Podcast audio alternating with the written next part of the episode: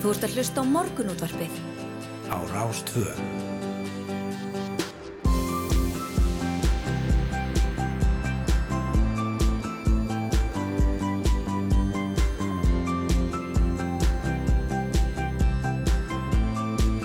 Morgunútvarpið Á Rástvö. Jú, við byrjum góðan daginn hér í morgunúttarpinu. Það er mánudagur annar mæ. Nýr mánuður hefjast hér. Já, þetta líður rætt hjá okkur. Já, það gerir það, Mm. virkilega. Yngvar Þór og Snæður Sindradóttir sem verður hérna með okkur til hlukan nýju. Við ætlum að fara við það í, þættinum í dag. Já, einmitt, eh, við ætlum að um, já, ræða við drífu Snædal, fórsætta ASI. Hún voru gestur okkur upp á klukkan 8 en bardagur verkalýsins 1. mæ var í gær. Staðan innan verkalýsreifingarnar hefur verið, já, vægast sagt strempin undanfarnar vikur og svo er staða launþega ekki minna strempin því að verðbólga mælist nú yfir 7% og útlitir fyrir að með hækkuðu verði á hráfuru vegna strísins í Úkrænu verði hansi erfitt að taka í taumina á henni. Mm. Það verður áhvert að heyra hvað drífa hefur að segja bara svona um stöðuna yfir höfuð. Já, já, og talandi um stöðina í Úkrænu þá með sagði Nikó Popescu, utaríkisráð þeirra Moldói í gær, framtíði Evrópu velta því hvernig stríðið í Úkrænu fer og stjórnvöldi í Moldófu Já, fylgjast grant með framöndu mála í nágrannaríkunum, sérstaklega eftir að rúsneskur herfóningi leta hafa það eftir sér að Rúslands herstefna því að ná fullum yfiráðum yfir söður héruðum Úkrænum. Og gangi það eftir hafa rússar beinan aðgangað moldófska landamara héruðanu Transnistriu sem hefur verið á valdi rúsnesku mælandi aðskilnaða sinna frá 1992. Og við ætlum að ræða við Val Gunnarsson sakfræðing um nýjustu vendingar í stríðinu og um þetta landamæra hér að en ásakanir hafa gengið á viksl vegna sprenginga þar. Emitt, við erum svolítið með augun um, já, út fyrir landsteinina í dag því ekki sér fyrir endan á skæðri hitabilgi sem geisað hefur á nánast öllu Indlandi og í Pakistan síðustu daga. Þar hefur hiti farið yfir 45 gráður víða dag eftir dag að undarförnu og nýliðin aprilmánuður er svo heitast þess að mælst hefur bara nokkuð sinni. Já. Við ætlum að ræða við Einar Sveinbjörnsson viðfræðing um þetta ástand en hann segir hittan ógna helsu og lífi hundruða miljóna jarðabúa þessa dagana og við hér á Norðurslögum gerum okkur ekki grinn fyrir því hver mikið álag á líðan og helsu manna verður í svona svakalegum hitta. Já, einmitt. Það var nú frost í nótt í fyrsta skipti í, í talsverðan tíma allavega svona víða um land Já, einmitt. eh, og svona við fundum allavega þegar við fórum inn í hennan dag að það var svona kaldara en verið hefur undanfarnar vikur. Við höfum verið heppin. Já, ég lokaði Síðustu glukkanum á daga. baðherbygginu þegar ég gekk Já, þar inn í morgun. Það var einmitt nákvæmlega sama hérna. Herðu, síðan er að kostningahlaðarpið, 50 þáttur þess kom út um helgina og við hér í morgun útvarpinu ætlum að halda áfram að heyra brot úr þáttunum og í þetta skipti viðtal sem við hólfröður daginn í Fríðansdóttir tókum við Arnar Eggert Tóruðsen aðjúnt í félagsfræði við Háskóli Íslands og tónlistaríni um frambóðslög eh, og við spurðum eru þau einhver tíman góð hugmynd? Við erum ekki að tala um kostningalög, Nei, við erum að tala um, um frambóðsmúsík sem sagt. Einmitt. Já, einmitt. Og þannig erum við með e, framsóknarsamba og óður til framsóknar og, og náttúrulega best, bestaflokkurinn og honum tókst þetta kannski á þeim fórsendum að þar voru tónlistar já, tónlistar fólk innabors Þórulæð, Þórulæði það var reyndar saminumst ekki, ekki vegum hennar, Nei, einmitt, einmitt. Það, eru mörg áhugaverð dæmi um, um svona hérna einhver frambóðslög og, og Haldur Haldursson á Ísafjörði Já, sem fór hérna flutti lag og, og hérna tónlistarminnband um borð í rútu Eh, það var skemmtilegt ok, ég get ekki beðið. Bændablaði fjallaði á dögur um eldvarnir og dreifbíli. Þar kom fram að mörg heimili í dreifbíli séu þannig í sveit sett að langt í næstu slökkvistöð og útkallstími slökkvilist því langur. Það gerir það verkum að heimilisfólk sé í senn sitt eigið slökkvilið og eldvarnar eftirlit. Og þá sínur konun sem Gallup gerði fyrir eldvarnabandalagið að úrbúta er víða þörf og ætlum að ræða þessi mál við Pétur Pétursson slökkustjóra í Árnisreppi. Já, einmitt, og í lok þáttar fyrir við eins og alltaf mándu Árnes sísl. Árnes síslu, já, Já. einmitt, það er, það er rétt hafa sko það sem að réttir, er það Já, ekki? jú, nákvæmlega, Ekki samðara hljómast. nei, einmitt Herðu, hér í lok þáttar eh, eins og alltaf mándum fyrir við íþróttir helgarinnar í þetta skipti með Efi Björk Benediktsdóttur og það var nóg um að vera þar um helgina Tindastól bókaði sig í úslindin gegn valum Íslandsmeistaratitilinn í eh, Körubólta Karla. Nú eh, eh, síðan var Njarvík Íslandsmeistar í Körugnatleik Kvenna í annað sinn. Um, það var Manchester City sem endurhemdi toppsætið í enska boltanum. Besta deildin allir í fullum gangi og stjarnan varð Íslandsmeistari kvennalegi í hófimleikum. Stjarnan var neittni í Karlaflokkin, Selfoss varð Íslandsmeistari blandaðra liða. Þannig að þetta er heilmikil upptalning sem... eh, Við þurfum ekki að fá yfir þetta, þú Nei, bara held fara ekki, yfir þetta. ég, hérna, þetta eru helst úslitt og e, e, ég ætla eins og að láta að vera að rýna eitthvað nánar í, í e, þessa leiki, það ef að getur vondi gert það með okkur Já, einmitt. mm. En hvað segir mér um forsýðu morgunblasins einhver? Jú, jú, ég er með morgunblæði hér í höndunum og þar er skemmtileg myndum mitt af Njarðvík að vinna Íslandsmeistaratitilin í Körvugnalleg e, Camilla Sól, Viktorsdóttir og Vilborg Jónsdóttir fyrirlið, kvennaliðs Njarðvíkur í Körvugnalleg Þau eru hér að smetla rempingskossi á Íslandsmeistarabyggarinn eftir að hann var í höfn með 65-51 sigri. Nú er ég bara að fara yfir leikin Já, já. e, á haugum í ótaleg í Ólasala á ásöldum í gerkvöldi. Skemmtileg mynd hér en það er líka fjallað um e, já, um, e, stöðuna í Úkrænu. Þar segir að saminuðu þjóðunar á Rauðikrossin hófi ger brottflutning óbreytra borgara frá stálversmiðunni í Mariupol og tókst að flytja um 100 manns þaðan í ger talið að þúsund manns séu í þessari stálversmiði Já, hafast þar við og, og hérna gorki með vatni rammagn og Frans Páfi fordæmdi í ger eigðileggingu borgarinnar sem dreigi nafnsitt af Marju Mey sem hefði verið sprengt í loft upp á villimannslegan hátt. Og þá talaðum það í ger að, að e, almennir borgar ætti að safna saman í vestlunarmiðstöð í dag e, og vonandi myndi e, já, rúsneski herin opna fyrir flóttalið fyrir þetta fólk. Mm einmitt. Uh, hér á forsýðu Rúf er uh, byrtist frétt klukkan halv fimm í morgun um uh, já, staðin sem að við held, ég held að við ættum að fara að senda út á einhver. Já, Það er komið risastórt rúm í borgarbókasafninu í grófinni. Sem er það að leggjast út af breyði við sér stóra seng og hlusta á eða lesa barnabók. En ég, ég, ég meni getur við ekki alveg sendt út út af jú, ég myndi alltaf það, einmitt. ekki? Það mætti svo sem innrétta stúdíóði hér eh, með þetta fyrir augum að vera með stórt, Já, stórt rúm. stórt rúm hérna og svona vakna á þægilegan móta með hlustundum. Við erum svo Yoko Ono og John Lennon. Nei, nei, en um, það er auðvitað eitt og annað í fréttum þar uh, á Forsið Rúf, það segir líka kom hérna frétti gerðkvöldi að kjörstjórnir viða eru enn ekki full mannaðar vegna vanhæfis Mm Mönnun kjörstjórnar fyrir svetisnarkostningarna gengur brusulega víða um land vegna breytinga á reglum um hæfi kjörstjórnar manna og í Kóbói á eftir að finna alla varamenn svo lítið má út að Já. bræða því að það eru þetta bara 12 dagar til kostninga Já, já, einmitt. Uh, síðan í fjallan það hér á fórsöðu uh, fjögur í morgunblæðinu að það er verið að vakta virkni á Reykjaneskanum. Fannst þú skjáltan í gerð? Nei, Nei. hver var hann? Hann var, þetta var einhvern veginn um miðjan dag í gerð Okay. uh, og, og mældist held ég ekki nema 2,7 nefn hann fannst Já, vel hérna á höfuborgarsæðinu og það hefur verið talsverð skjáltavirkni á Reykjaneskánu frá góðslokum um 5400 skjáltar það sem af er ári. Og hér segir að það er ekki ólíklegt að fleiri gós verði á Reykjaneskaga og um, grímsvötn eru tilbúin í gós að sögn náttúrufræðings. Mm. þannig að þetta er hérna kvikumælingar hafa sínt kvikusöfnun á um 16 km dýpi austan við Faradalsfjall en frá því að gósinu lauk hefur skjáltavirkni á Reykjaneskanum verið talsverð. E, og e, ja, Bendit Gunnar Ófeksson náttúruvar sérfræðingur e, er að tala hérna við morgunblæði við höfum nú rætt við hann tiltölulega nýlega. Hann segir að þetta er mjög dæmigjart fyrir dýpri kvikusöfnun og við sjáum þetta mjög víða. En yngar vísbendingur um að kvika sé að nálgast yfirborðið. Þetta hefur heyrt áður. Já, já, þetta er það, við munum geta fylgst með þessu svo bara allt í einu það var komið Já, eins og það var nú svolítið hérna, bara sást allt í einu gósbjarmi og, og það var ekkert svo sem búið að nema þetta neitt með nefnum Nei, nákvæmlega. Og Benedikt var nú ekki á því hérna síðast að það væri að koma gos. Æ, við skulum nú ekkert vera nú og hún því um nasas Nei, nei, Það er óþari Já, já, það var óþári. Já, en við fyrir að skipta fljótlega yfir á frettastofuna, uh, heyra hvað þau hafa að segja uh, í frettum, núna svona klukkan sjö. Svo komum við að vera með spori fyrir um betur við veður og færð, spilum skemmtilega músík og verðum bara á léttunótunum í dag, svona mestuleiti. Já, já, einmitt og, og síðan alltaf verið að hita bylgjur en fyrst fréttastofan Þú ert að hlusta á morgunútvarpið. á Rástvö.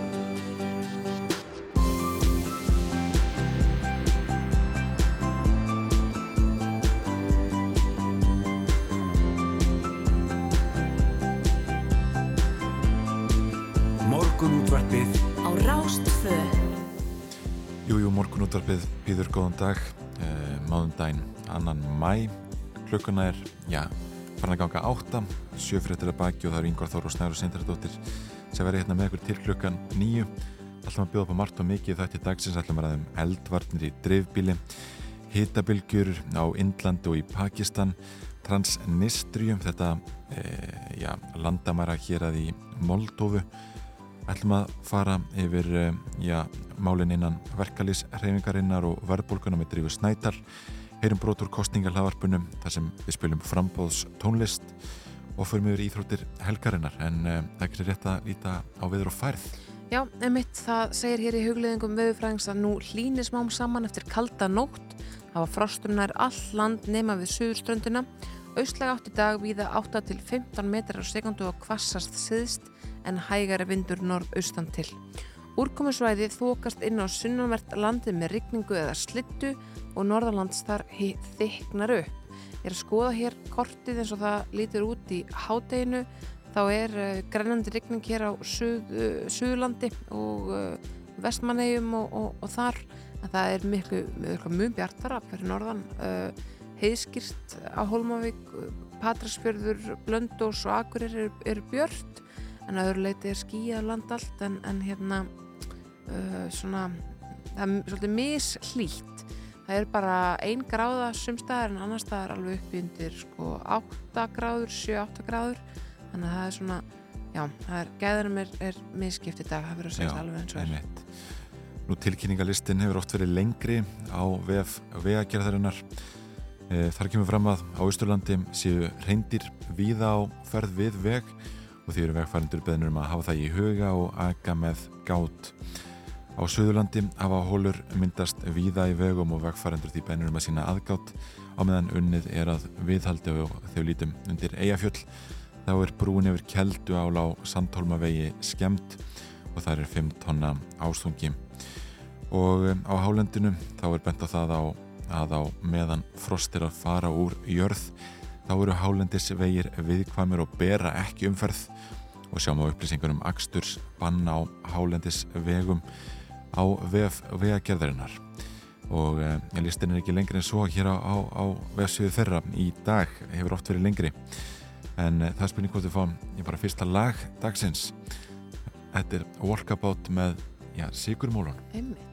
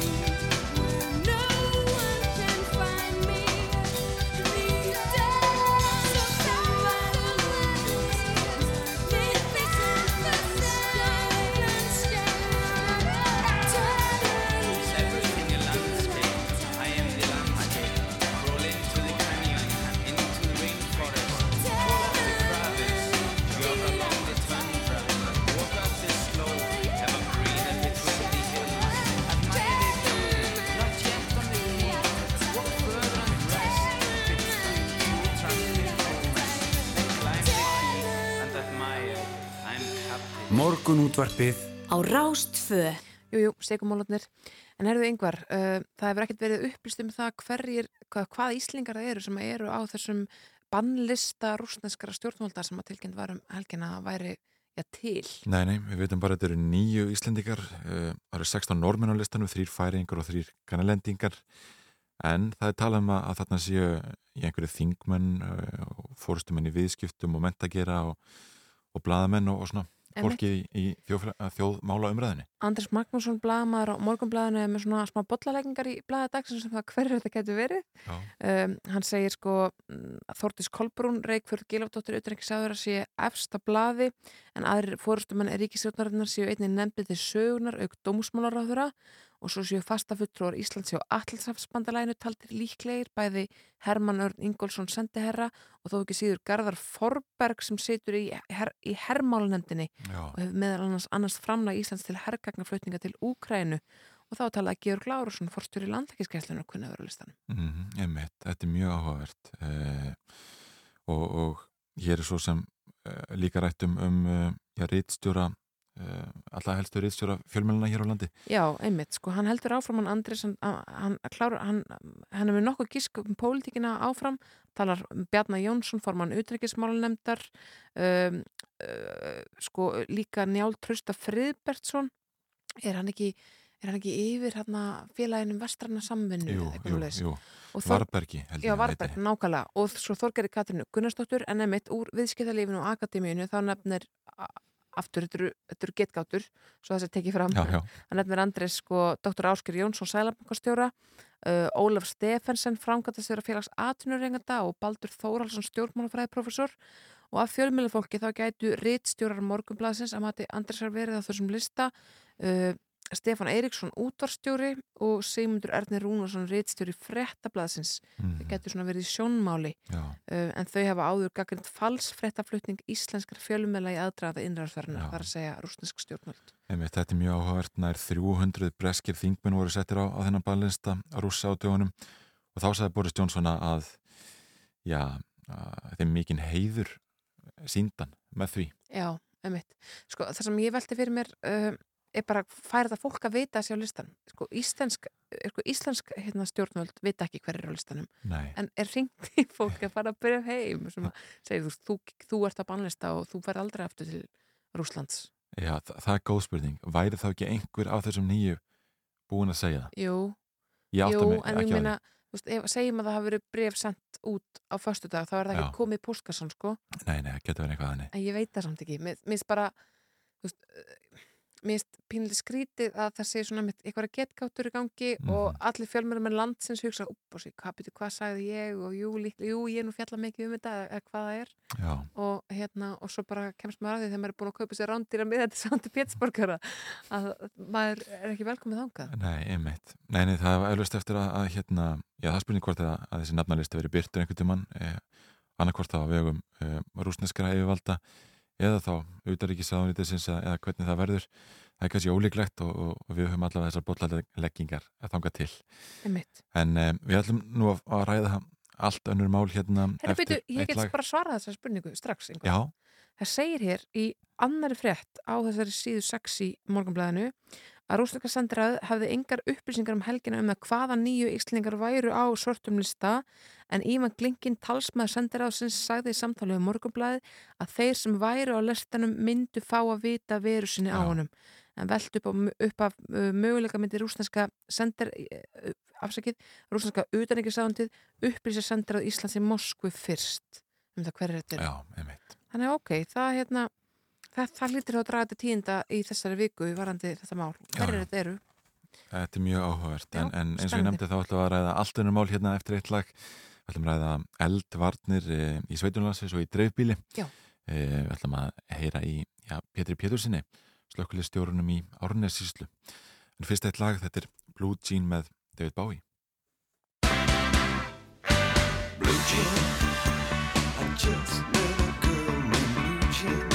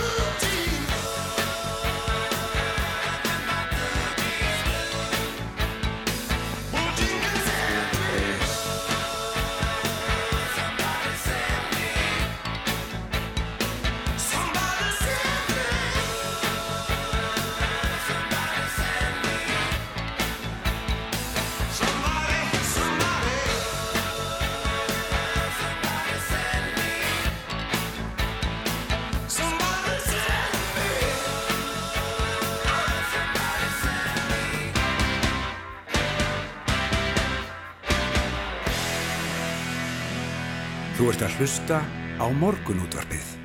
Á Rás 2. Jú, áfram rúlu við hér í morgun útvarpinu.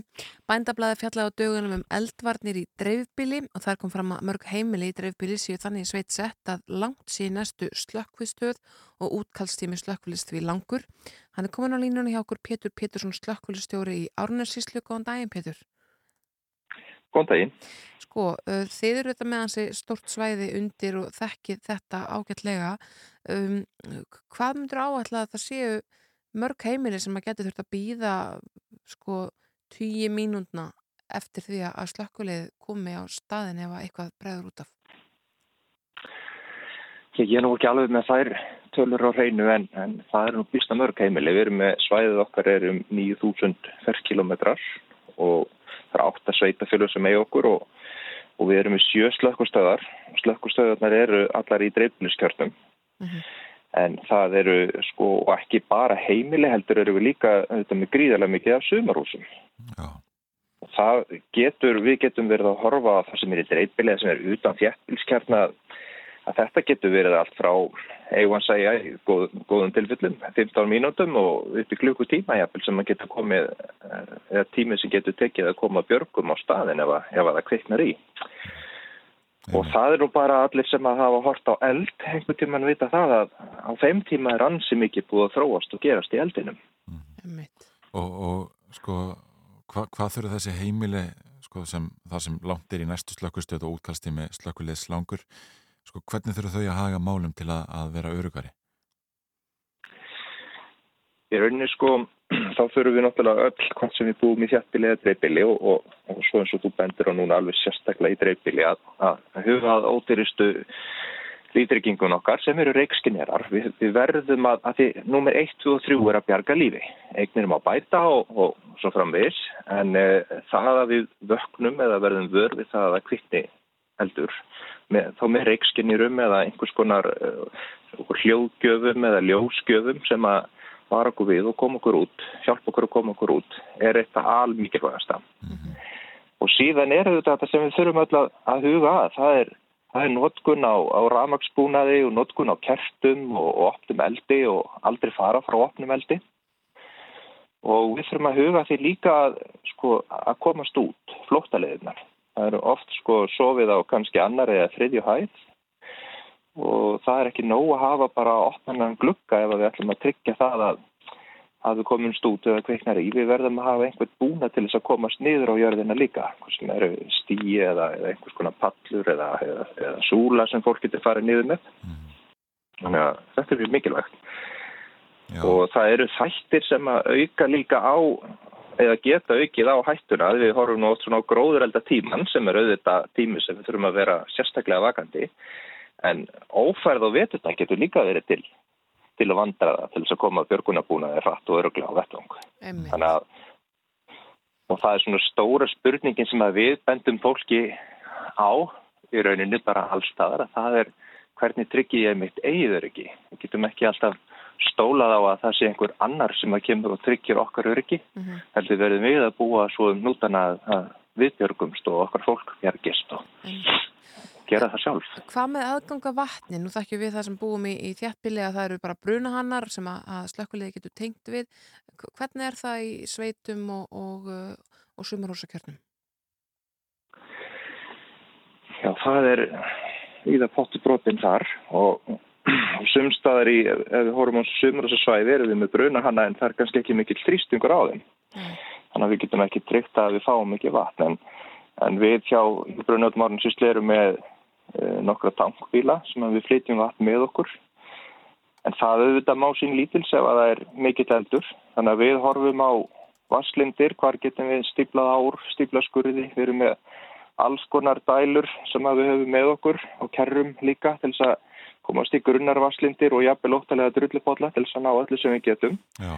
Þarna getur fólk uh, grifið inn í sjálf með þetta svolítið og til dæmis ef við nefnum sumarúsar eigandur, það, það er náttúrulega heiti pottar við flesta, flest sumarús, já, menn láta aðfallega því fara í einhvers konar tankar sem að menn geiman eða erðar uh, sem að slökkulegi hefur aðganga að og svo jafnvel fólk getur nota sjálf ef það er alltaf betra að þessi hluti sé í virkni og það er sama varðandi sveitabæi að, að fólk sé búið að huga að því að er hægt að stípla bæjalækin eða er ég með einhverju stíplu í bæjalæknum eða ég vil þá líka það að vera með einhvers konar, einhvers konar tanka klára til þess að grípa inn í.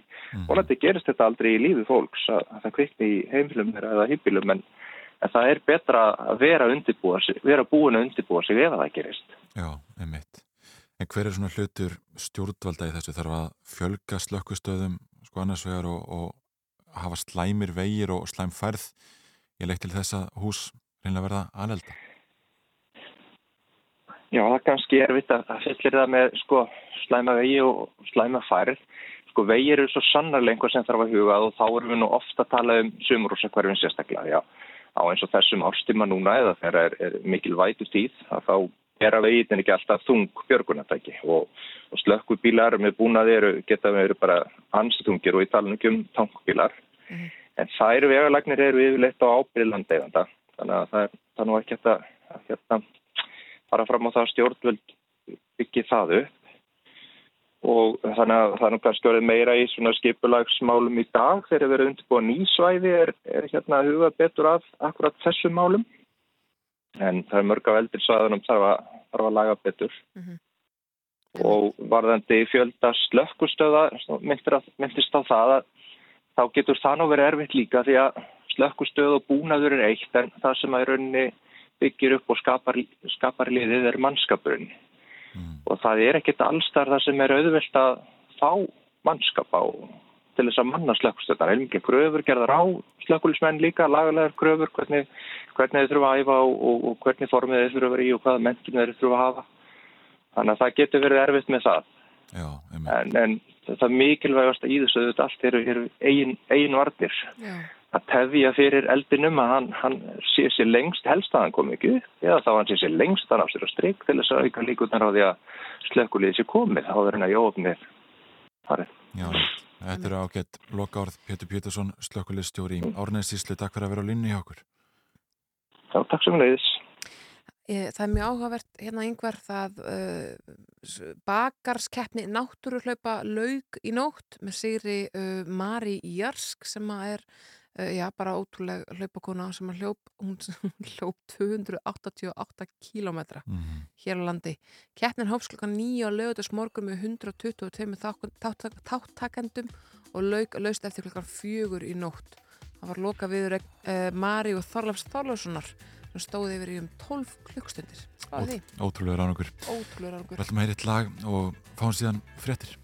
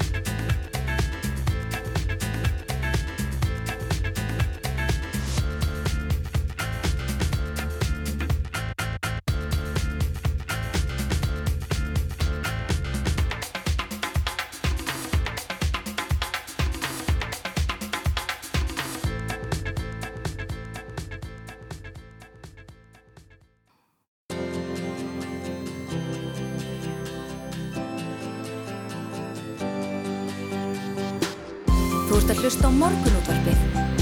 Á Rástvö.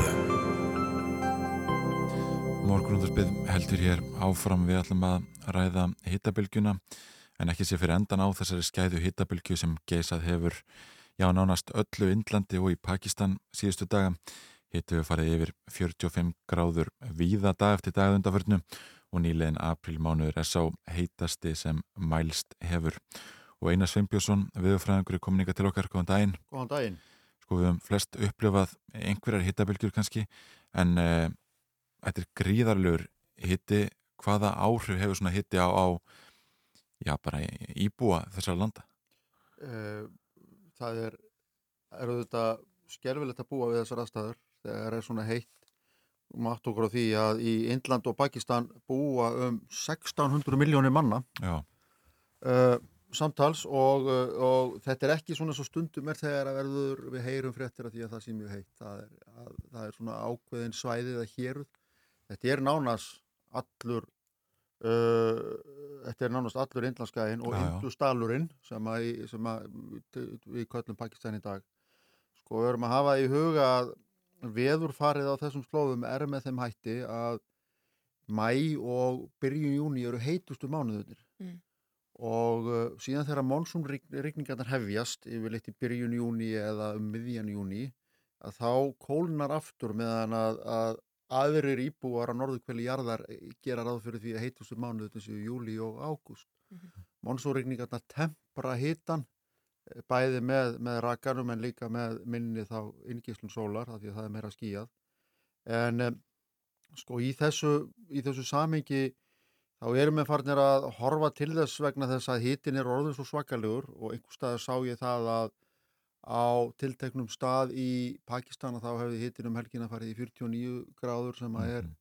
held ég hæsti hiti sem mælst hefur, það var í 30. april, hæsti hiti sem mælst hefur í april á norðkvæli jarðar, ég held að, held að það hafi, hafi komið út úr því sko. En sko hitin sjálfur, þar að segja hvernig við mælum hitin að takja með þetta hæð, segi kannski ekki alla söguna þegar við horfum á líðan fólks. Mm. Uh, við þekkjum það að í eigðimerkum að þar er hittin ofta ná 45-48 eh, gráðum eða við, við heyrum að slíku og, og fólk virðist búa eða uh, geta þrifist svona þokkalega í þeim hitta. Og það er bara vegna þess hvað loftið er þurrt og þá verðum við bara að passa sig á því að vöka sér rækilega og, og komast þannig af. Þannig að, að við þurfum að taka með í reikningin eh, sko aðra skilgreiningu á hittanu sem er svo kallega voturhitti og voturhitti tekur tillit til eh, rakastygsins, voturhitti er mældur meðal annars hér á landi bara alla daga. Og hann í raun og veru segir okkur það að þegar að loftið er rakamettað ja, ef við gefum okkur það að hittin hér úti sé, sé 5 stig og voturhitti sé líka 5 stig þá er það segir okkur það að, að, að rakast í loftinu sé 100% og Þeimun hærri sem voti hittin er, þeimun hérna, þeir eru komin í mjög háhittakildi, að, að þeimun hættulegri er hittin, getur við sagt. Hvers vegna er það? Akkur er rakin svona hættuleg? Já, það er bara vegna þess að, að þegar að hittast, hittastíð úti er, er komið yfir 40 gráður, að þá eru við komin yfir líkamshitta mm -hmm. og uh, uh, líkami getur ráðið við svona hitta meðan það getur kælt sig mm. með útgöfum, með því að mhm. svitna og uh, ef að loftið er raka metta þá eðlilega þá svittnu við ekki Einmitt. vegna þess að rakin inn og úti er svo sami getur við sagt og hérna núna til dæmis í, í nýju deli þar er, er hittin í dag um 40 gráður en það er ekki náma 20% raki sem segir okkur það að voti hittin hann er 22 gráður og það er svona bærilegt Já. hins vegar er spáð undir næstu helgi 42 til 43 steg að hitta en rakin á að fara upp í 40 gráður. Það verður bara þannig að fólk deyr?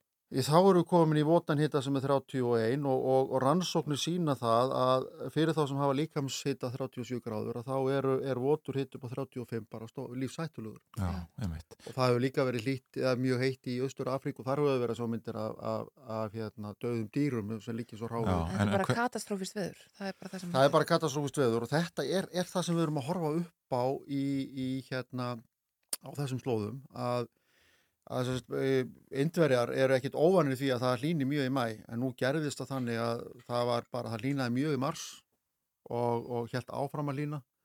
Og, uh, og nú er heill mánuður í mónsúrregningarnar þannig að, að þetta er, er, er heill mánuður í viðbót í loðandi viti getur við sagt. Mm.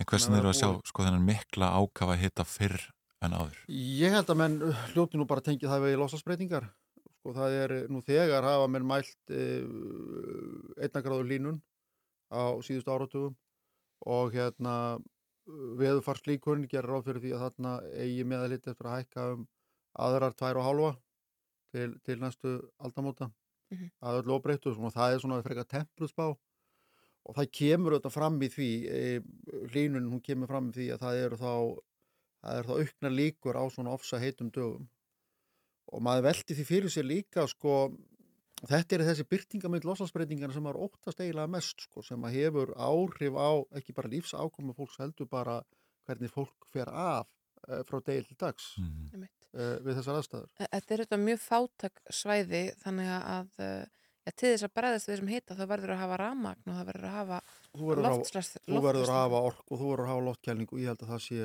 fólk er bara í lífshættu ef það hefur ekki þann útbúnað. Já og, og það er þetta þekkt í, sko, í áratýji að, að hérna, og indverðar eru góðu með viftunar það er ekki, ein, ekki, ekki, ekki eiginlega loftkæling. Meni.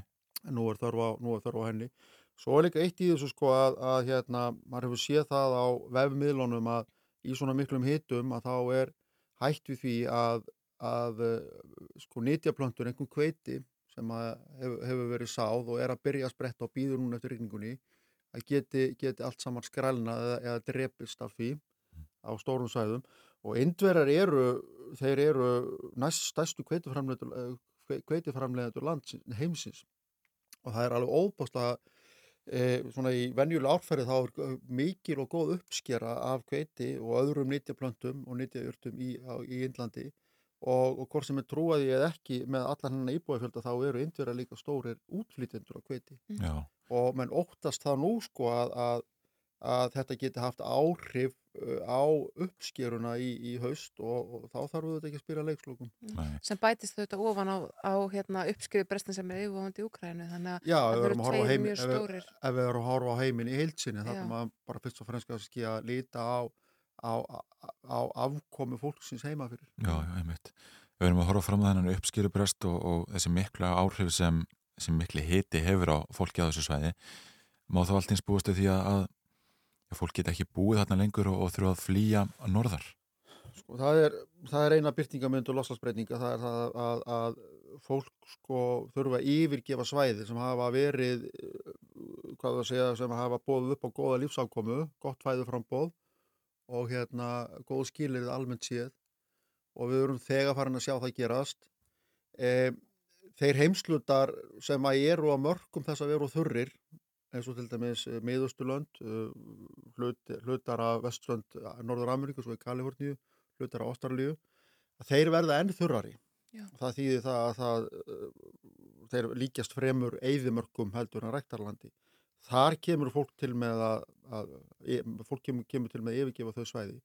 Þarna er vandin ekki skortur og úrkomu því að mónsúnrykningarna þær tryggja alltaf næga vætu þegar þær koma. Mm -hmm. en, en, en, en þá eru að glíma við annað sem eru þessir, þessir, þessar ofsafengnu hittabilgjur sem geta verið beinleins lífsættulegar Já, þetta eru svakaleg tíðindi. Uh, takk kærlega fyrir komuna Einar Sveinbjörnsson viðfræðingu til að segja ykkur frá uh, já, því sem er að gerast í Indland og Pakistan þessa dagana. Já, og við ætlum til Úkrænu hér eftir eitt lag uh, og já, Moldófu, Transnistriu, öll heldur.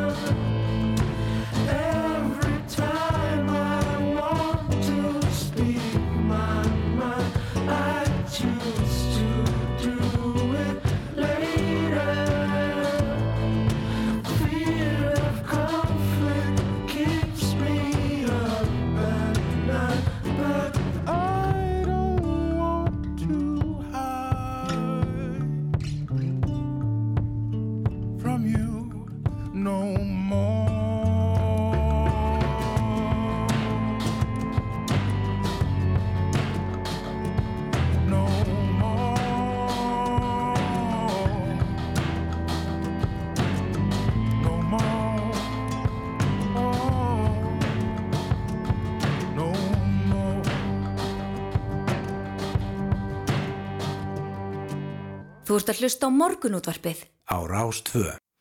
Við vorum að ræða hér um hitabilgjur á Indlandi og í Pakistani við ætlum yfir til Úkræni núna á Moldófu. En Nico Popescu, utaríkisráð þeirra Moldófu, sagði ger framtíð Evrópu velta því hvernig stríðið í Úkrænu fer. Og stjórnvöld þar fylgjast náttúrulega grant með framöndu mála í nágranna ríkinu og eh, já, sérstaklega já, vegna sprenginga í Transnistriu uh, og Valur Gunnarsson sagfræðingur í kominninga til okkar okkur langaði svona aðeins að, að fræðast um þetta hér að og, og, og nýjustu vendingar í stríðinu, góðan daginn Góðan daginn.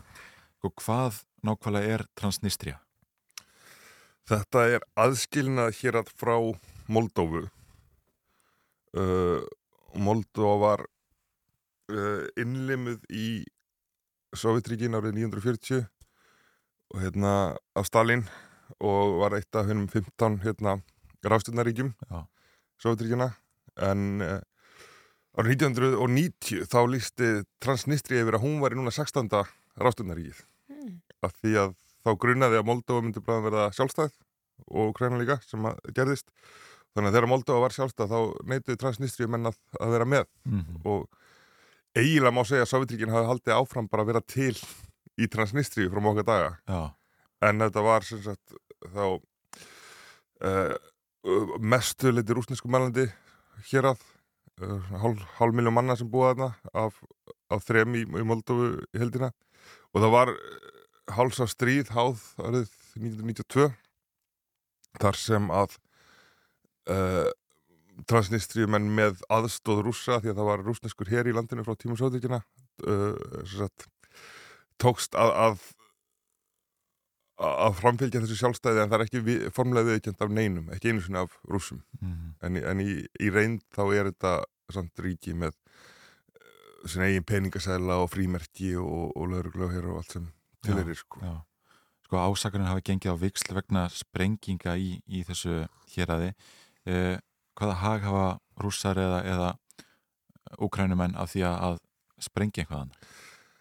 Já, það er ekki, það er engin líst yfir ábyrð og ásakanir ganga á viksl uh, transnistriumenn kenna Úkrænum uh, Moldóvar kenna einhverjum öflum innan transnistrium hvort sem það er uh, er á vegum hins úpenbera eða, eða ekki af því að það er líka uh, þó að, að, að, að þetta hér að klóðis frá Moldóð þá náttúrulega eru, eru líka fólk kannan innan sem freka til er á Moldóð eða jafnvel Úkrænu Uh, en ef við bara spurum hæg hag eins og gerir, þá held ég að þeir sem hafa mestan hag af þessu eru rúmulega rússar. Já.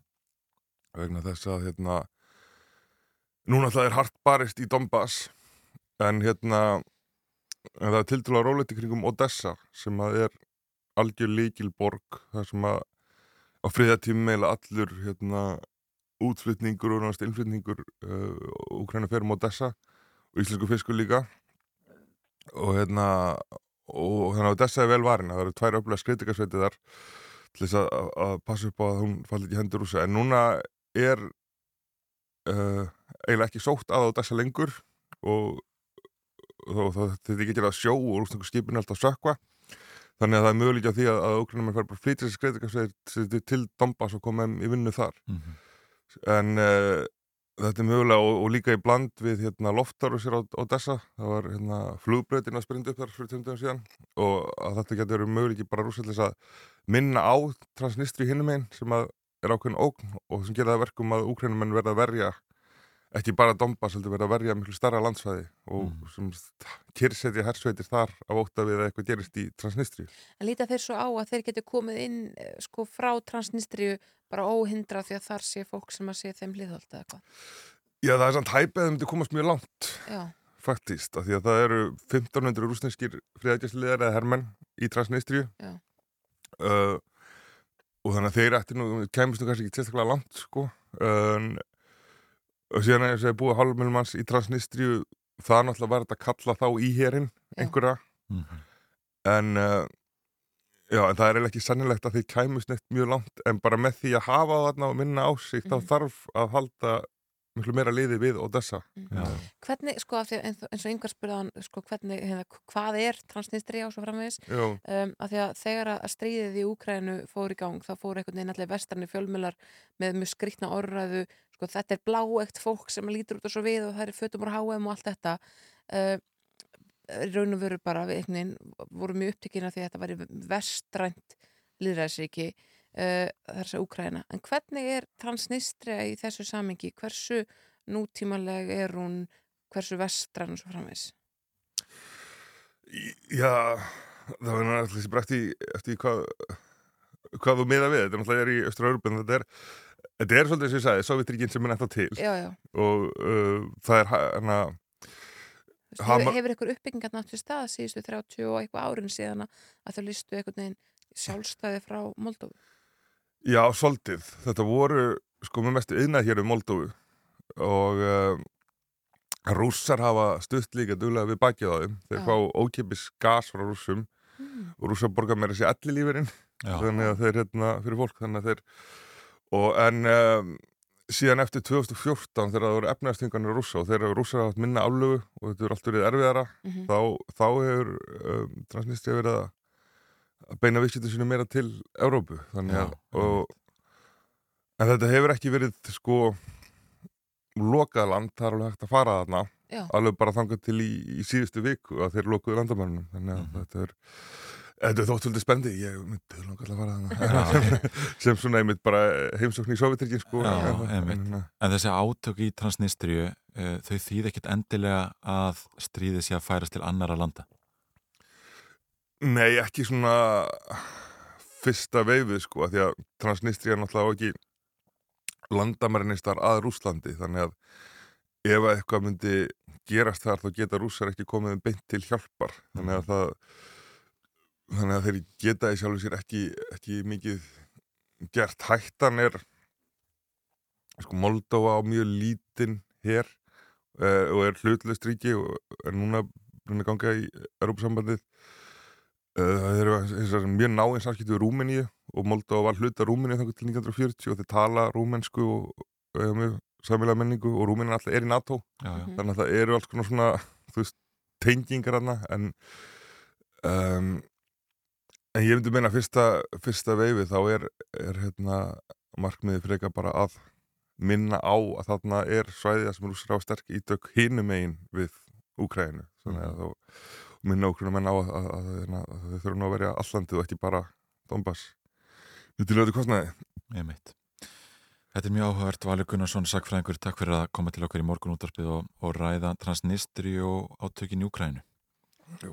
Emmett Drífa Snædal, fórsætti ASI, hún kemur sér fyrir hjá okkur hér eftir áttafréttir uh, og svo bjóðum við upp á eitt og annað, uh, langt viðtal við Arnar Ekkert Tórusen um kostningalhavarpinu og Íþróttir helgarinnar.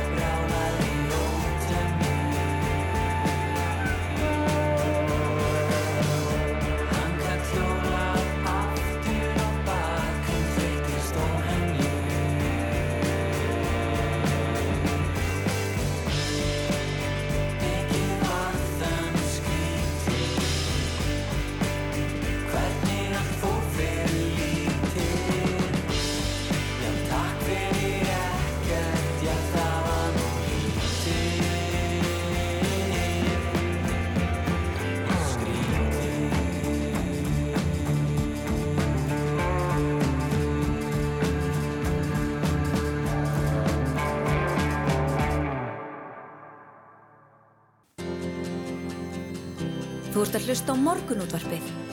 á Rástvö.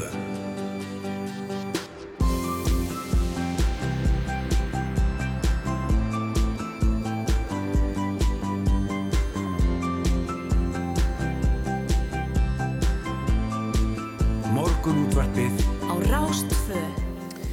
Jú, áframhaldu við hér í morgun útvarpinu, áttafréttir að baki og setni klukkutími í morgun útvarpsins hafinn. Jújú, við ætlum að ræða við drífu Snædal, fósetta ASI hér eftir, já, það beil eitt lag getur við sagt.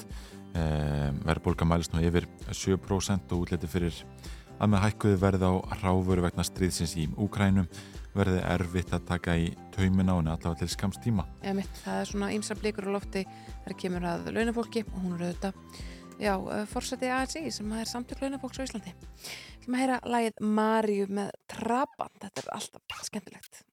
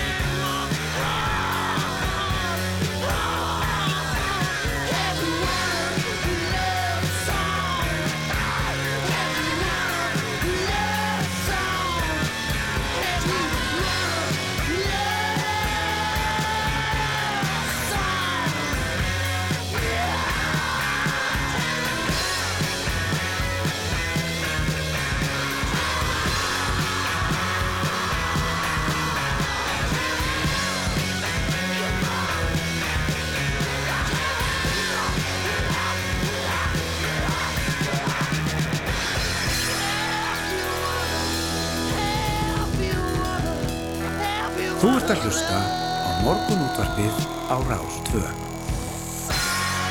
Hryllingur í bóði Trabant, gaman að því. Hún er sest hjá okkur Drífa Snædal, fórseti ASI. Í gerð var þetta 1. mæ, bardagur verkalýsins. Það færi nú lítið fyrir honum að segja, uh, það var sundagur, þannig að, hérna, að laun þegar fengu ekki frítaginn sinn og, uh, og það var svona ábyrjandi. Það var opið í kringlunni og yka og víðast hvar um land allt. Verstu velkomin Drífa. Takk fyrir það. Sko að við förum bara aðeins yfir um, sviðið eins og, eins og staðan er núna. Verðbólga mælast yfir 7% uh, það er kjara vetur framundan og svo framvegis.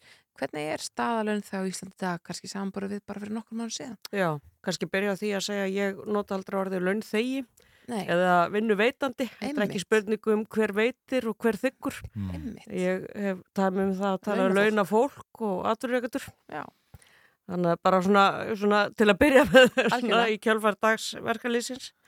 Eh, það sem er náttúrulega mjög ábyrgandi akkurat núna er eh, eins og bendur á verðbólgan og bara dýrtíð eins og við höfum kallað þetta. Mhm. Bara gammaldags dýrtíð. Við sjáum bara allt vera að hækka bensíverð, samgöngukostnað, hérna, eh, mat og, og bara þessar nöðsynja vörur sem að sko eru svo þungar í heimiliseksturirum. Uh, svo ekki sér tala um húsnæðisverð og það hefur náttúrulega bara hérna, komið tvær svona rosalegar hérna, hækkanir á húsnæði á, á örfáum árum. Uh, þannig að ég held að það finni það allir uh, í heimilisbókaldurinn sínu að, að hérna, það er svona það er verið að að segja, sverfa að kjörum fólks. Uh, og launahækkanir hafa ekki haldið í við þetta og auðvitað höfum við svona við höfum verið að horfa svolítið í kringum okkur og við erum reyndar búum við þá gæfu að vera svona lokuð orkukerfi hérna þannig að orkan heim, að hitta heimil nokkað kostar lítið. Eh, ef við skoðum Norega þá hefur á sömum stöðum sko þrefaldast kostnaður við að hitta heimilin. Mhm. Þannig að þú veist, við erum ekki að taka það högg eins og, eins og Evrópa en vissulega matur og, og olja og það er alltaf út af bæði COVID og, og stríðin í Ukrænu Já. og því er ekki að linna, því miður. nei, Þannig að þetta getur verið áfram og þá erum við svona þrýst á stjórnvöld og, og mér varst það ánægilegt að heyra í eða sjá hjá Svandísi Svavastóttir á föstudaginn að hún ámálgaði það að um, taka út verið skatt á máturum á meðan á dýrstiðinu stendur og það þarf að fara í einhver svona aðgerður og við höfum séð sko löndi kringum okkur fara í einhverja slíkar aðgerður hvort sem það er bara engreisla til fólks til þess að standa undir dýrtíðinni lækkun á, á ólíukostnaði þar sem ólíu er notið til að kynnta hús eða, eða hvað það er. Mhm. uh, og það er náttúrulega sannarlega komið tími til þess að stjórnvöldina í Íslandi grípi í, í hérna uh, bremsuna. Og þetta mun náttúrulega hafa áhrif á kjaraverðarnar í haust. Bæði hvernig er tekið á dýrtíðinni og eins bara húsnæðismálin og Mm. það, er, það er núna hópur sem við um aðeild að skila af sér næstu dögum. já, einmitt. Sko, talar um húsnæðismálin, verðbólk er 7,2% og þar af eru 3% steg vegna hækkunar á fastirnaverði. Nú Ólafur Margesson, doktor í hagfræði, skrifaði fæsla á Facebook í gær þar sem hann ja, kvatti fósfarsfólk verkaliðsfélaga til að átta sig á tækifærinu sem það er í, í því að hvetja lífeyrissjóðana til að byggja fastirinn til að leia þér út á, á leigumarkaði um, og, og svona hérna bendir á að þetta þekkist víða í Evrópu. Um, hvað, hvað þykir um þessar hugmyndir og, og hvað vilt þú sjá, hvers konar breytingar á húsnæðismarkaði eru nöðsilega núna í, í aðdraðanda kjærasamninga? Uh, við erum með eitt kerfi sem er bjarg, sem er svona þetta almenna íbúðakerfi sem, sem hefur virkað mjög vel. Uh, síðan er verið að byggja upp blæ sem er svona leigukerfi hjá verkefælisfélögum sem er svona, hvað maður segja, það er ekki, þú veist ekki verið með ákveði lágar tekjur til að komast inn í það. Uh, og þar er hugmyndir að fá lífyrsjóðin inn í þetta. Uh, galli núna er sko lóðaframbúð. það vantar lóðir til að byggja. Og, og mér hefur fundið sko í samtölum mínu við lífyrsöðuna og stjórnamenn að þeir eru alveg tilbúinir í þetta en þeir þurfa eitthvað að sjá umgjörð þeir að sjá eitthvað sem virkar og, og hérna uh, en þeir eru náttúrulega með alveg fjármagn en það vantar lóðirnar. Mhm. það sem vantar líka inn í þessa breytu við erum með sko markað þar sem fólk kaupir sér inn á bara frjálsa markað sem við erum flest á og Íslandika vilja yfirleitt vera á. Þeir sem eru að leia er að reyna að komast inn á eignamarka en það er svona trendið. Það er ódýrara. Það er ódýrara, já og, og svona svolítið í okkar menningu að eiga íbúð. Við viljum við fyrir á eftirlaun eiga skuldlösa eign af því að það er lífeyrisúðurinn og trygginginn og Mhm. allt það. Um, þannig að við erum með hennan frjálsa eignamarka, svo erum við með leigumarka sem er sagt, stutt við uh, með félagslegum aðgerðum. Uh, en það sem vantar er eitthvað daginn svona félagslegar aðgerð til stefu fólk til eignast fyrstu eign. Og við erum auðvitað með hlutdeldalánin Uh, en það vantar kannski eitthvað meira þarna inn í, inn í það kerfi að auðvelda fólki að bara reynlega kaupa þessu verkamann á bústæði gamla bústæði kerfi gamla var. En mann líður eins og, eins og sko, þær aðgerðar hafi komið bara einhvern veginn á færibandi undanfærin ár, nótkun sér að þann lífið sparnaði til að kaupa fyrstu eign og svo framvís, Mhm. uh, svona ymsar ymsir aðgerðapakkar frá stjórnvöldum. Um, og svo þetta var skattasti eða stýrivexti voru afskaflega lágir hérna uh, í COVID og þá komst það sem margirna margir ekki satt. uh, Jú, en það var það líka til þess að spennu húsnæðisverði Já. uh, með því að lækka vexti að þá sko hækka húsnæðisverði af því að frambúðu kom ekki líka Mhm. og voru bara sömu eignindandi sölu vexti lækkuðu, fólk gætt hérna, spennt bógan herra og, og bóðið herra í eignirnar uh, þannig að það voru náttúrulega ákveðin hagstjórna mistök að bara lækka vexti, gera ekkit annað uh, ekki auka frambóð og þar með sko hækkaði húsnæðisverði sem er náttúrulega að koma fólk illa núna Mm. því að fólk spendi bógan og svo koma vakstahekkanir þar ofan á. En og þá, þá þingist sko greiðslubyrðin mjög hratt og öruglega En það hefur verið svo opastlegt kapplöp á húsnæðismarkaði.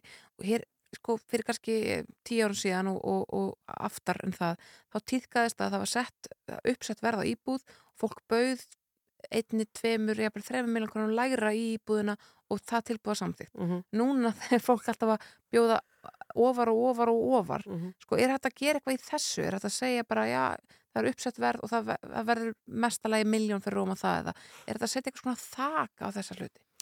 um, sko besta sem hægt er að gera er að fjölga húsnæði eða auka Já. húsnæði það er náttúrulega, við, við einhvern veginn endum alltaf þar og þar greppir skóin bara þannig að íbúður seljist hægar sem er á markaði.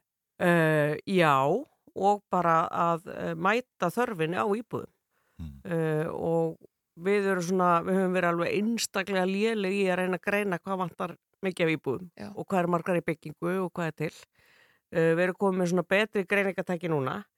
Uh, en það sem við vitum er að það vantar svona 3000 nýjar íbúður á ári eitthvað svo sem ég minnir að það sé síðustu mælikar 3-4 uh, síðan erum við að fá flóta fólk frá Ukrænu síðan erum við væntalega að fara að fá fleiri uh, inflytjendur Mhm. uh, til að vinna hérna. Uh, svona atvinnulífi segir okkur það að það hérna krefst fleiri handa á dekk. Uh, þannig að húsnæðisvandin er ekkert að hlaupa frá okkur. Nei. uh, og þetta er náttúrulega alveg gríðalegt tækifæri sem að tala nú aðeins inn í sveitastjórnarkostningar gríðalegt tækifæri fyrir hérna sveitafélug, nákvæmlega sveitafélug Reykjavíkur og, og Reykjavík sjálfa og bara víða um land að, að hérna búa til húsnæði og búa til óðir Já. eh, af því að ég sé það líka það sem að kemur víða um land að þetta fari að standa sko atvinnu uppbyggingu fyrir þrifum.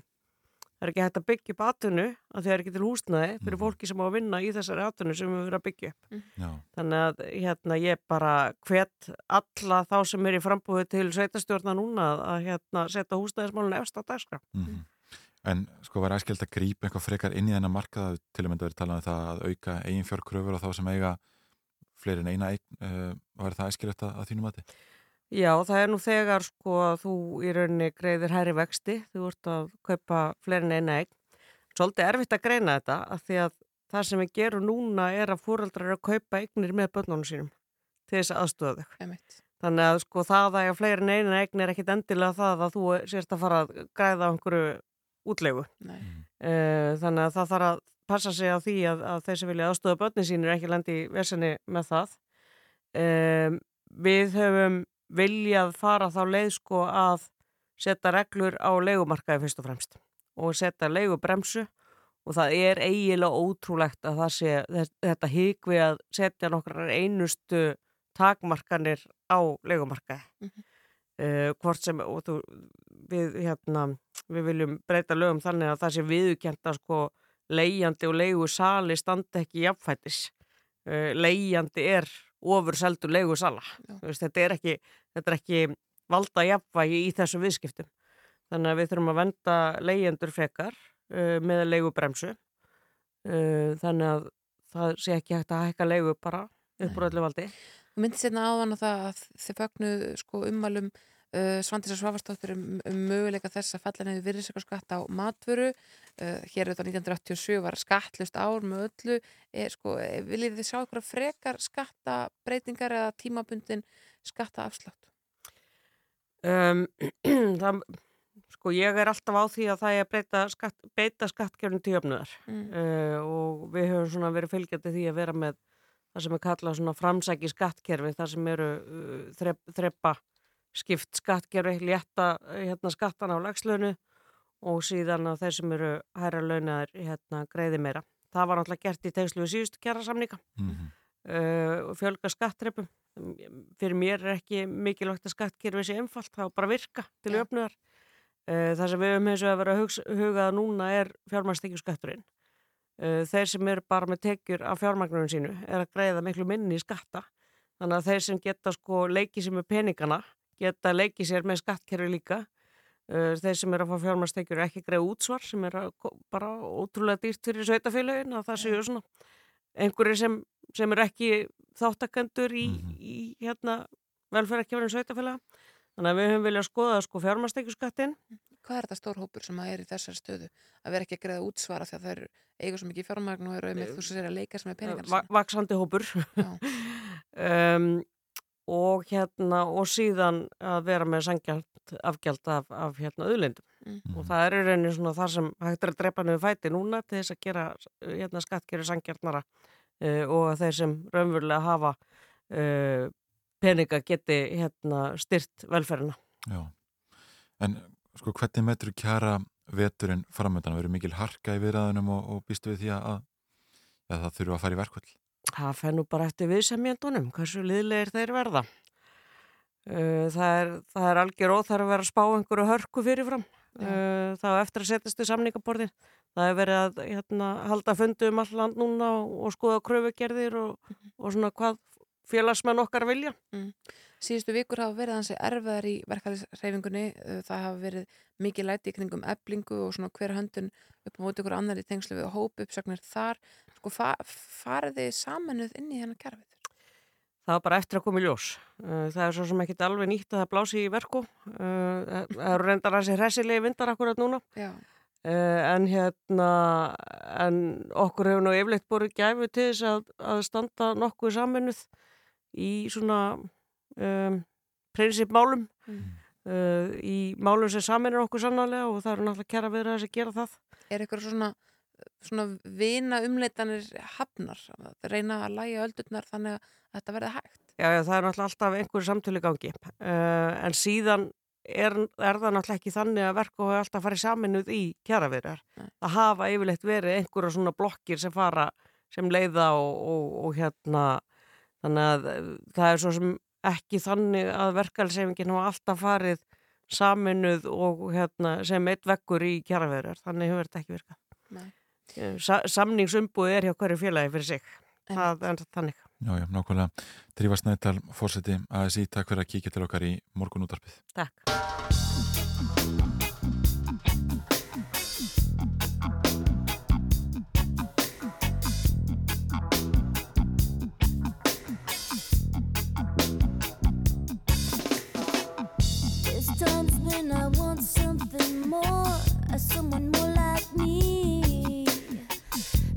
Times when this dress rehearsal seems incomplete.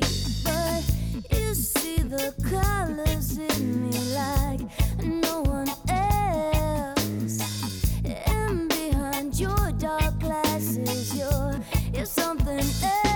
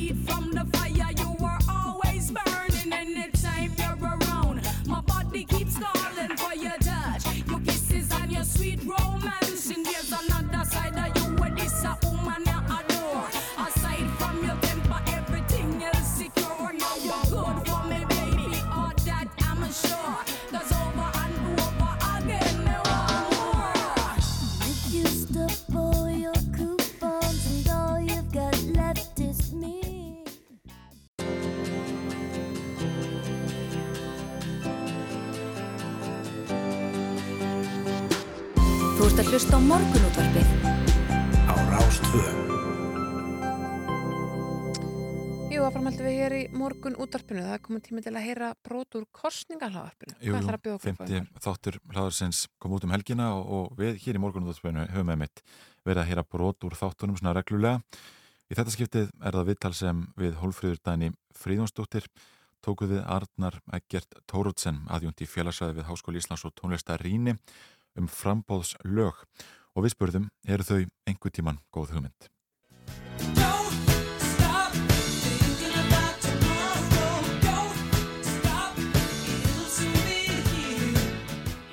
Hingaði komin Arnar Eggert Tórótsen aðjúnt í félagsfræði við Háskóla Íslands og tónlistarínir okkur langar að spá hans í já, frambóðslögum, góðan daginn. Já, hæ.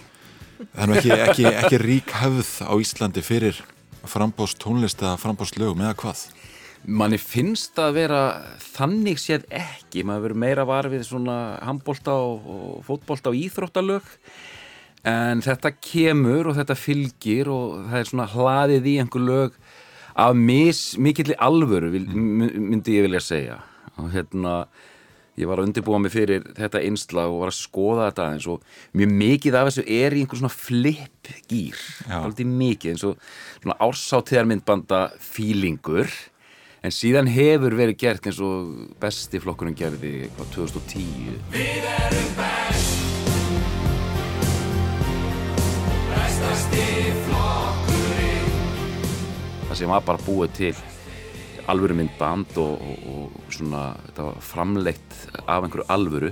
En sá flokkur var þetta aldrei mikið skipaður fólki úr tónlistarlífinu þannig að það voru hæg heima tökin sko. Mm, einmitt. Þannig að þetta týðkast kannski meira svona áður, við erum að sjá þetta minna núna. manni finnst það bara svona út frá tilfinningu sko. Já. og, og mér er undarlegt að þetta sé ekki því að þetta er alveg tól sem getur bara virkað vel. Já En, en framsóknar menn voru tölvöld í þetta framsóknar samba og óður til framsóknar til að mynda hérna um aldamótin. Framsókn, framsóknar konur, framsókn, framsóknar kallar, framtíðin sýnir öfluga lið. Já, já, og ég meina þið heyrið það, ég er bara hlæjandi sko. Og síðan sjálf, það var auðvitað stórkostlegt og mér var bent á að hérna, sjálfstæðismenn hérna á vestfjörðum muni eftir því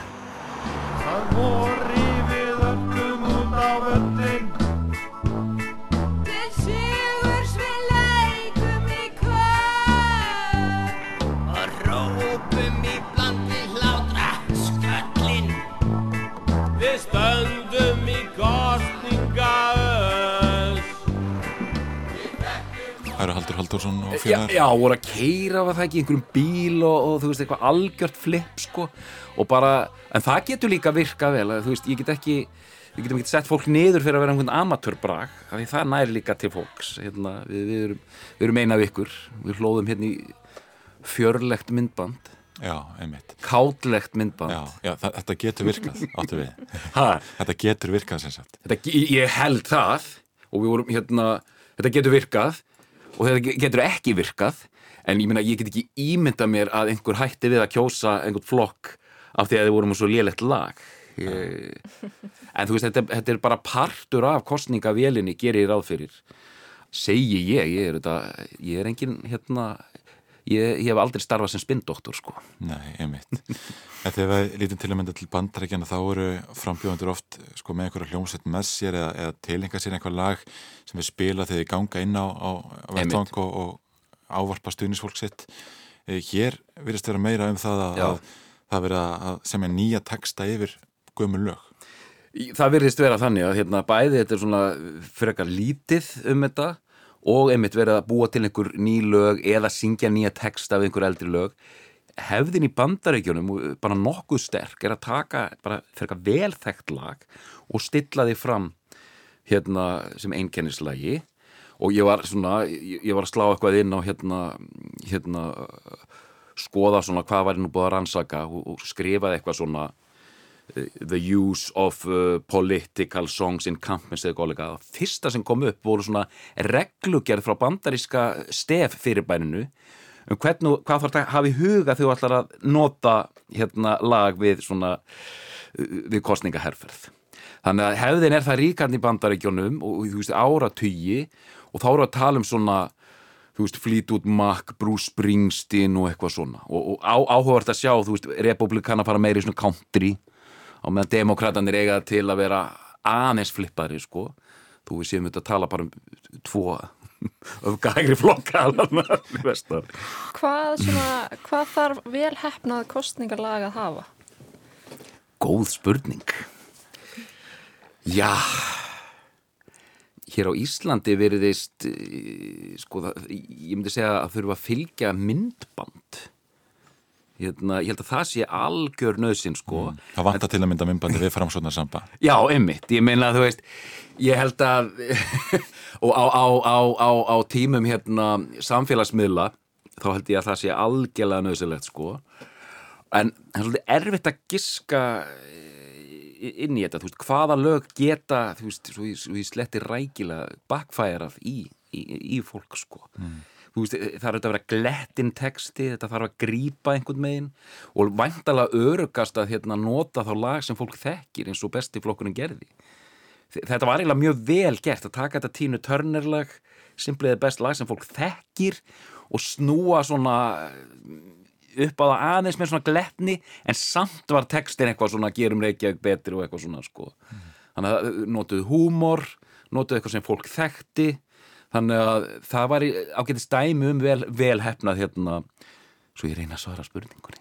Já, einmitt. Getur þetta haft ög áhrif og, og fælt kjósendur frá?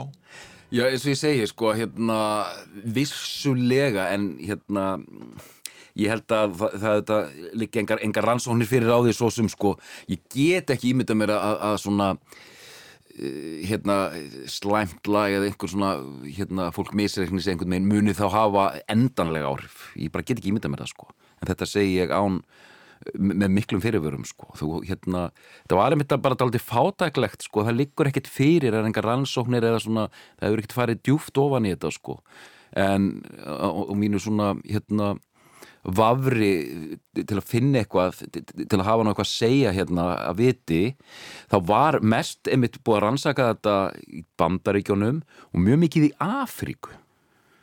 Þú veist, use of political songs í Afríku, ja. en ég fann ekki neitt um, um Bretland eða, eða Skandinavíu sko, þannig að en, en mér finnst þetta að vera pínu svona svolítið óplæður akkur að ég meina, fólk sem er að fara út í kostningar hvert atkvæði skiptir máli þannig að hérna og Ísland alltaf stæðis að þið vera þessi tónlistafjóð ég, ég skil ekki, þetta er einhvern veginn að þetta er fyrir sko.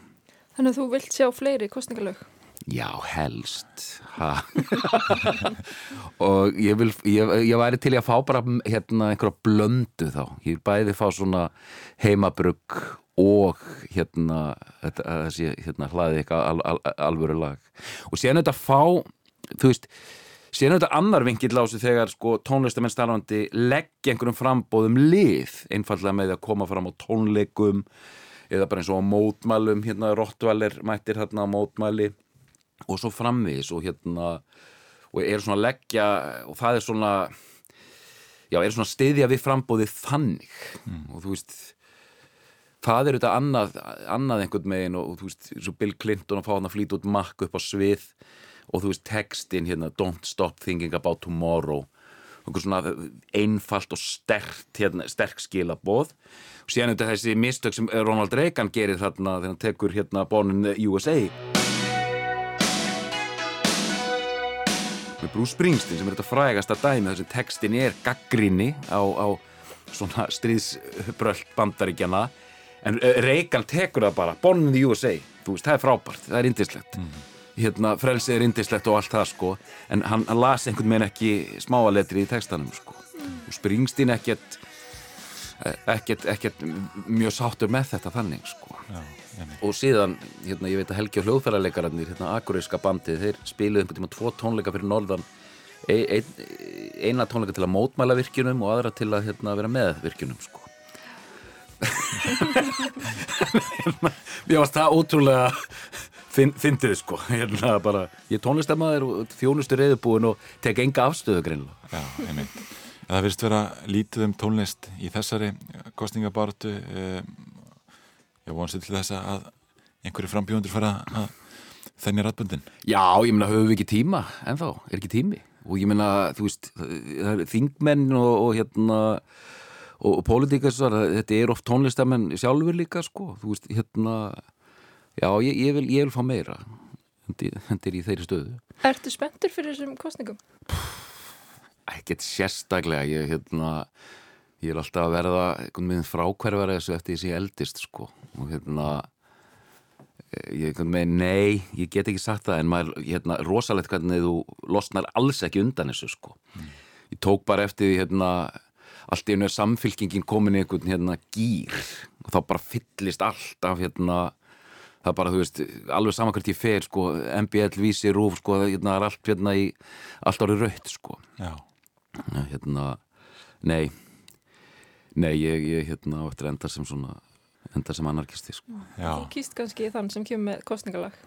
Já, ég hérna, ég lýsa þér yfir. Þi- Arnar Eggert gefur besta kostningalæginu sitt atkvæði, það er bara þannig. Já, þetta er ágætist loka ár Arnar Egert Tórótsen aðjúnt í félagsfræði við Háskóli Íslands og tónlistarínir Takk fyrir að kíkja til okkar í kostninga hlaðarpið Takk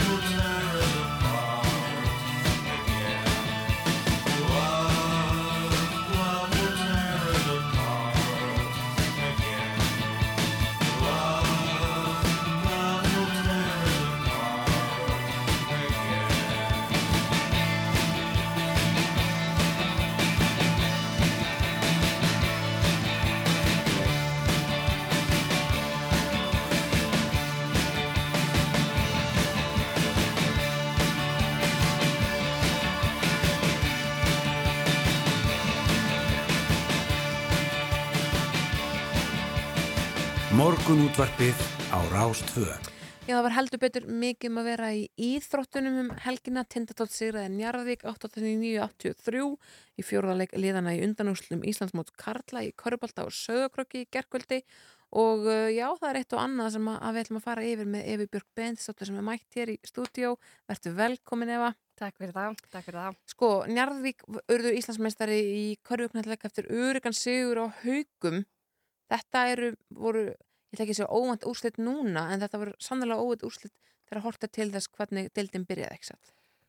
Jú, en síðan er úrslitakeppnin alltaf bara einhver sér keppni og það kemur svona annar, annar gýri liðin en það sem mjög stila merkilegast við þessa úrslitakeppni hjá eins og konunum er að hérna úrslita leikinir, þeir unnust allir á útivelli og við Já. vorum með mitt búin að vera um þetta hjá okkur undarfari, hvað er ótrúlegt að þetta sýrun og verið bara algjör mýta að lið hérna vinni frekar á heimavelli og við erum að sjá það svolítið í úrslitakeppni í handbóltanum og körfunni að hérna það virðist ekki öllu skipta eins og kannski eru áhörundurnir duglegir að fylgja sínum liðum á milli þegar eru stutt að vegalendir eins og hérna á Íslandi Já. en hérna Njarvíkingar auðvitað Íslandsmeistari í annarskipti síðast 2012 þannig að það er örugglega vel, vel fagnað þar næstu daga og sko er, þær voru að koma upp úr upp úr deil, upp, upp í deildin er það ekki?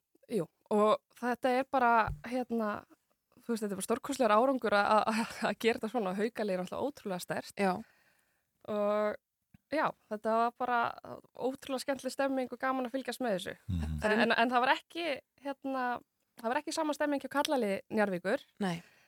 sem að, að fjallu leik á móti tindastóli í undanúrslitum á lögadagskvöldi Mhm. og hérna, þannig að það er tindastól sem fer í úrslitarimuna kalla megin á móti val sem að hefst á föstu daginn langar með að segja Einmitt. þannig að það er svona rosalega skemmtilegir tímar í, í íþróttunum núna Já, það ætti að vera svona til dæla jafnir leikir. Já, og við sjáum, það- eins og ég sagði þannig, þess að úrslitakefni verður alltaf svona bara eins og önnur deild Mhm. og hérna það getur allt gerst. Ég meina valsarar hafa ekki verið, verið þannig að maður sér það vinna allt en þeir eru búin að vinna alla leiki búin að vera mjög samfærandi þannig að það ætti, veist, þessi liðar að fara mig langt á stemmingunni í úrslitakefninu. Tindastóll vann auðvitað innvigi sko sitt fyrir Njarvík 3-1 sem er Mhm. svona mjög sannfærandi. Um, leik, leiknum lauk 89-83 eins og ég nefndi hérna áðan. En það getur nú verið allt gerst í, þegar að, að þeir mæta val í úrslutunum Já, ég bara myndi segja það, það var, var enginn að fara að spá til um hvernig það fer, nema við getum kannski sagt, kannski vinnast allir leikarnir á, á útivelli, ég held að það sé Já, einmitt, það já. sem maður langar til að segja, sko. Uh, svo er það handbóltinn, Já. þar eru undanúslita yfir uh, hafinn, í bjöflaðið hauka í gæri í fyrsta leikliðana, 35-30 sem er nokkuð samfærandi, það var einmitt útivelli líka, mm -hmm. fullt að eigamönnum á ásvöllum í Hafnafjörði og í kvöld er það svo Valur og Selfoss sem eru að spila sinn fyrsta leik í undanúslu þannig að það er svona að að róla af stað líka. Það er undanúslit hjá konunum líka uh, mikil dramatík í gær þegar Káa Þór lagði hauka Mhm. haukar eru á öllum vikstöðum einhvern Já. veginn Greinilega. uh, og þar sem Sigumarki kom úr aukakasti á síðustu sekunduleiksins Já. mjög gaman að það var útivelli, ég veit ég trú, ég trú um, e, þetta er eiginlega svolítið ástæðan fyrir nefnunda svona oft er það að ég var alveg eina af þeim sem var bara lið eiga að vinna á heimavelli en maður er einhvern veginn er að sjá það, það er ekki alveg En sko getur ekki bara verið að að fólk sé að koma svona aðeins skýrara inn í útivallar leikina af, út af þessari mýtu að það er með þetta um að það þurfi svona aðeins að hafa fyrir því að mótvöndurinn verði meiri þegar það er ekki heima. Hún gæti verið, síðan er kannski eitthvað, COVID eitthvað áhrif á þetta,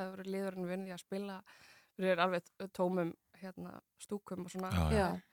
Eitthvað sem gæti eftir áhrif, maður veit það ekki, en, en hérna við fengum auðvitað Hárun Kristjánsdóttir íþróttasálfræðing hérna í viðtal fyrir helgi og hún sagði bara að þetta er, það er gert allt og mikið úr þessu og allar rannsóknir sína að þetta er bara cirka, skilur við, kannski 47% líkur, á- meiri líkur á sigri, þú veist, á heimavelli. Já, já, já, þetta er bara nokkuð jaft. Já. Og þá við sérst um, um allar íþróttir eða, eða sérstaklega hérna handkvæmstleikin og hverjubóltan.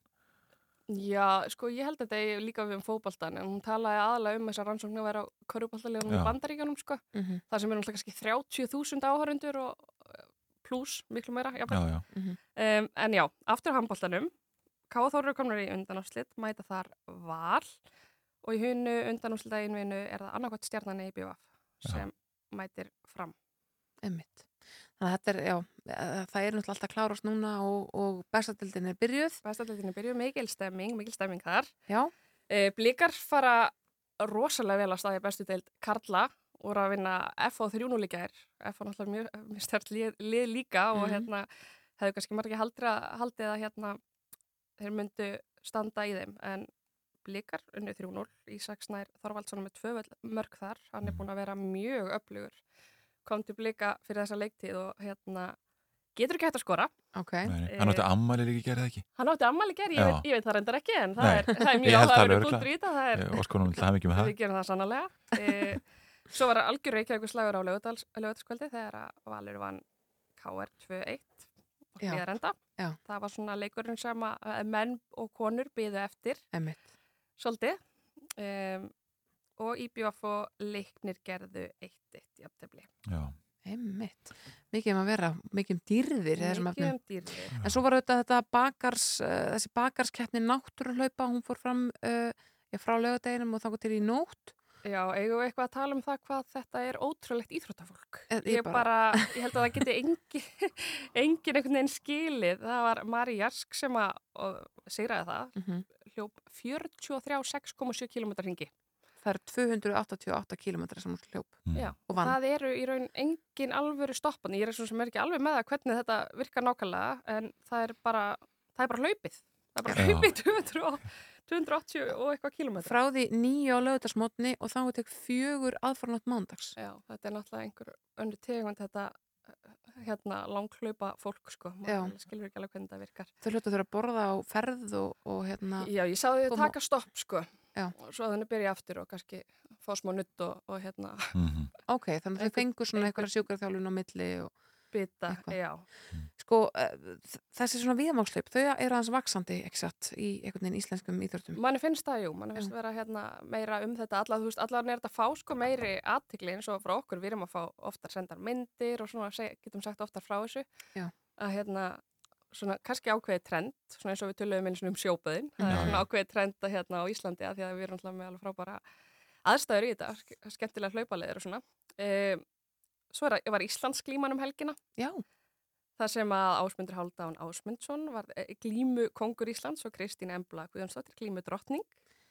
Einmitt. Þannig að það er svona eitt og annað sem gerist um helgina. Tvöföldur sigur stjórnunar í, í hérna, Íslandsmótin í hópfilmleikum. Einmitt. Já. Það er nóg um að vera, Já, og að vera. oft áður. Og Við ætlum að fara að glíma hér eftir þátt. Já, annarkur glíma eða hlaupa 288 kilometra. Já, ég, það, þingdapunktu minni þannig að ég held ég glími frekar. Já, já. það liggur lágt, sko, liggur lágt. Herðu, við erum bara að fara við í þætti dagsins rættum um eldvarnir í dreifbili, rættum við eina Sveinbjörnsson um hittabilgjur, Val Gunnarsson sagfræðingum transnistríu í Moldófu. Mhm. Fórum aðeins yfir, yfir verkalýsmáli með Dríu Snædal og, og heyrðum já, brotur kostninga hlaðvarpunum frambáðslög. Já, einmitt, og svo var hann Eva Björk Bendsdóttir hér hjá okkur fyrir, já, hún er situr hér enn, við þakkum henni kærlega fyrir, uh, og þakkum fyrir okkur í dag, ég og Hulda Gersóttir verðum hér á morgun.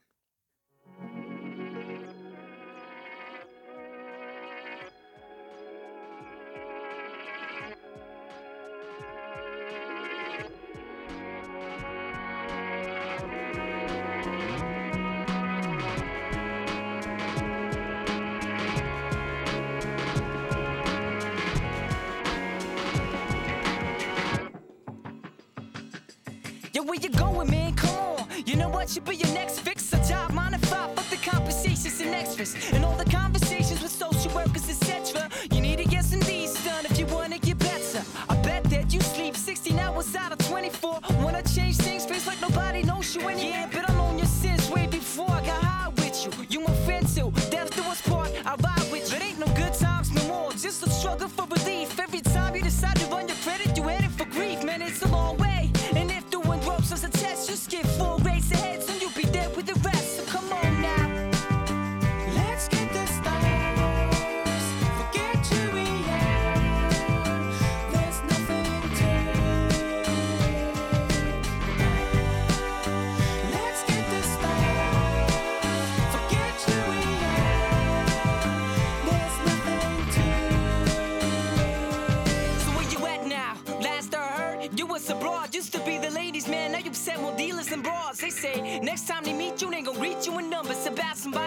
is that the